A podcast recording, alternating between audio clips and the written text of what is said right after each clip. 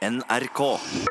Det er mange som har prøvd å gå til psykolog, men føler de ikke liksom fikk det helt til.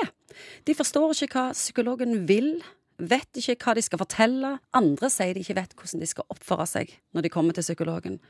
Og psykolog Egon Hagen. Har folk for høye forventninger til psykologen? Psykologer er jo også selvfølgelig de er en fagutdannelse, og det er noen sertifiseringer og noe styr rundt det. Og så er det en person. Og det aller viktigste egentlig for at du skal få noe ut av disse samtalene, er den alliansen, eller den koblingen som du har til denne psykologen. Og hvis den er litt råden, så er det et dårlig utgangspunkt for å komme noen vei. Når jeg googla dette, så var det 340 000 treff. Jeg pleier å si sånn at uh, terapi det er en mulighet for en korrigerende mellommenneskelig opplevelse. og Det høres jo fint og flott ut, Ja. men i det ligger det egentlig at hvis du har opplevd at det ikke nytter å snakke med folk, det nytter ikke på en måte å si det du mener, så er terapisituasjonen en kjempegod anledning på å oppdage at du faktisk kan være med å påvirke relasjonen. Og et av de viktigste terapeutkarakteristikkene i forhold til å være god som terapeut, det er at du er justerbare. Det vil si at du har mer enn ett gir. Og flinke psykologer er jo kjempeflinke også for å tilpasse seg, lese folk, forstå hvordan du på en måte skal komme i posisjon eller skape en allianse. Og Hvis du opplever at det er vanskelig for deg på en måte enten å få tilliten, eller at han ikke forstår deg, eller at vedkommende vil snakke om ting som han syns er interessant, men som kanskje ikke du syns er like interessant, så er det bare én måte å gjøre det på, det er å si det. Ja, Men hva bør en forvente seg når en går til psykolog første gang? Du skal forvente deg og selvfølgelig å få eh, alt dette med taushet og de, de der juridiske tingene som er, som er viktige. Og så er det selvfølgelig også at du har en der som faktisk er opptatt av å finne inngangsdøra til akkurat deg. Og den fleksibiliteten og evnen til å tilpasse seg forskjellige folk er noe av det viktigste for oss som steller med dette. Men hvordan skal vi som oppsøker psykolog tilnærme oss og forberede oss? Det jeg ville gjort, var å ikke komme bare helt med lua i hånda. Jo mer spesifikke problemstilling du har, dette ønsker jeg faktisk å jobbe med, jo større sannsynlighet er det for at du greier å jobbe med det.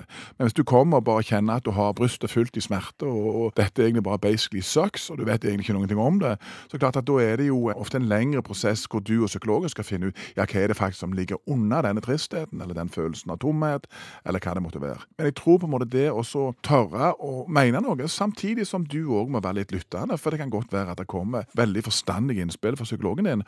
Kanskje er det dette det handler om, og du hadde kanskje ikke tenkt det var det det handler om. For det kan godt være at det er der hun ligger begravd. Også på film så ser jeg at psykologer ofte svarer på et spørsmål med et spørsmål. Ja, der er vi jo forskjellige, og jeg tror at Husk på det at eh, de gamle psykodynamikerne etter Freud at de skulle nesten ikke si et ord.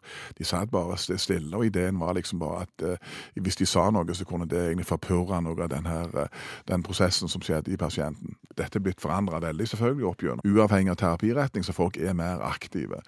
Det er noe med det, vi er jo også som personer forskjellige. Noen er veldig milde, snille snille, empatiske og lyttende, og andre er litt mer direkte. Der liker vi litt forskjellige ting. Men jeg tror på en måte det der også klargjør forventningene til terapien, er noe av det viktigste som skjer i starten. Hvor lang tid pleier folk å gå til psykolog? På vanlig sånn nevroseproblematikk så skjer det ofte ganske mange ting i sånn 9-10-15 timer. Og Hvis de ikke har begynt å bevege seg noen ting da, så er det ikke sikkert at de noen gang kommer til å gjøre det. Men andre har jo selvfølgelig helt andre problemstillinger, mer alvorlige problemstillinger, og da tar det òg erfaringsmessig lengre ting. Men denne myten om dette er noe evigvarende år ut og år inn, det er bare tull. De aller, aller fleste Jeg har hatt masse pasienter med én time, to timer. Masse. Så flink du er. Ja, utålmodige.